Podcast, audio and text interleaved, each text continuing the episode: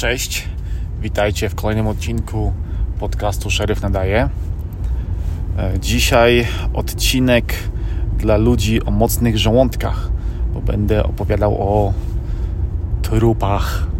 A, a tak na serio, e, to pomysł na odcinek wpadł mi do głowy, e, ponieważ dzisiaj, gdy wsiadłem do radiowozu, to pierwsze wezwanie było właśnie do nieboszczyka i doszedłem do wniosku, że e, opowiem Wam, jak bardzo, e, jak bardzo od e, pogody, jak bardzo od sezonu zależy to, co się dzieje w mojej pracy.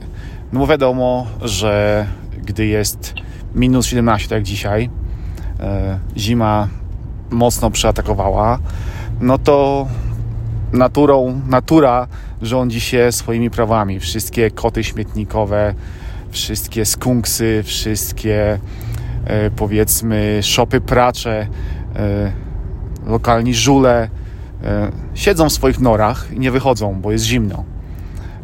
Wychodzą rano, gdy świeci słońce, gdy jest cieplej, więc więcej wezwań jest na zmianie dziennej i popołudniowej, a nocna zmiana, w której ja pracuję, no troszeczkę nam powiedzmy mamy luźniejszy okres. Natomiast latem, gdy w nocy jest e, ciepło, e, gdy w dzień jest zbyt gorąco, żeby coś tam robić, a w nocy jest na tyle ciepło, że można e, spokojnie działać, to wtedy no właśnie z tych nor wychodzą między innymi ci lokalni żule i coś tam w nocy się dzieje. Mamy wezwania dotyczące różnych rzeczy, które oni wyczyniają.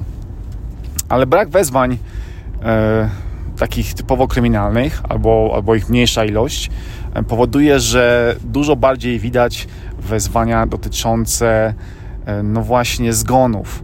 E, bo takich wezwań w tygodniu mamy od kilku do kilkunastu.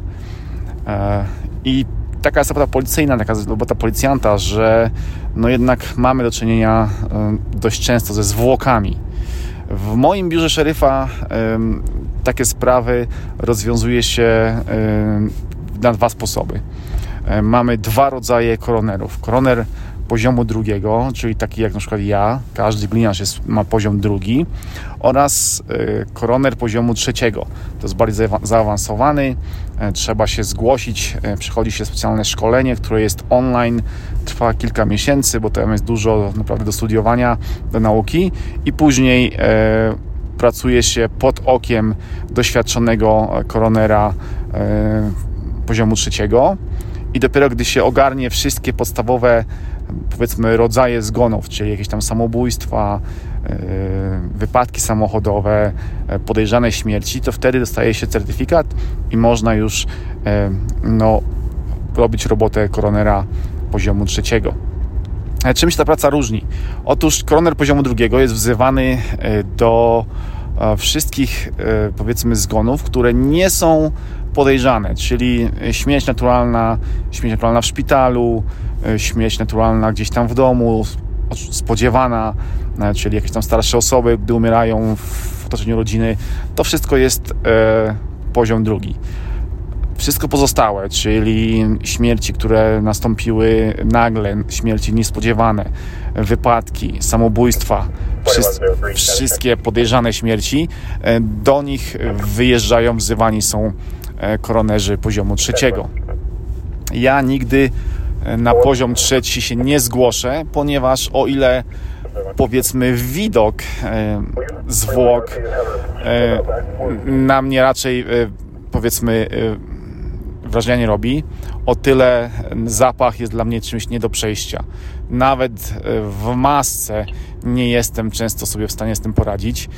Powiem Wam że ten zapach, mm, nawet gdy się opuści już to miejsce zdarzenia, E, które było jakieś tak wyjątkowo i wyjątkowo tam nieładnie pachniało, mm, to ten zapach przechodzi przez ubranie, wsiąka w ubranie, wsiąka, no trzeba wszystko wyprać, e, czuć go na skórze. Ja mogę to porównać do e, zapachu ogniska, który ja bardzo lubię. Gdy siedzi przy ognisku przez powiedzmy parę godzin w nocy, to ten zapach ogniska, ten dym osadza się i na skórze waszej, i na ubraniach, i wszystko pachnie pięknie dymem.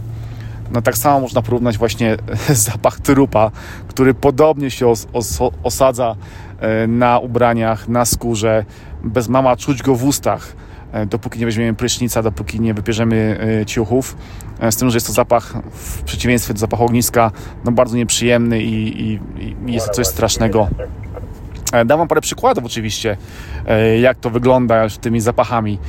Moja pierwsza taka styczność z takim powiedzmy lekko śmierdzącym trupem E, no to była, jeszcze byłem na, na szkoleniu, ostatni dzień szkolenia FTO i pomagałem, było wezwanie właśnie do osoby, która zmarła w nocy, nikt nie był świadkiem, więc to był level 3, czyli ten level trzeci koronera i tam kolega to obsługiwał, no ale ja jako nowy w patrolu musiałem pojechać mu pomóc.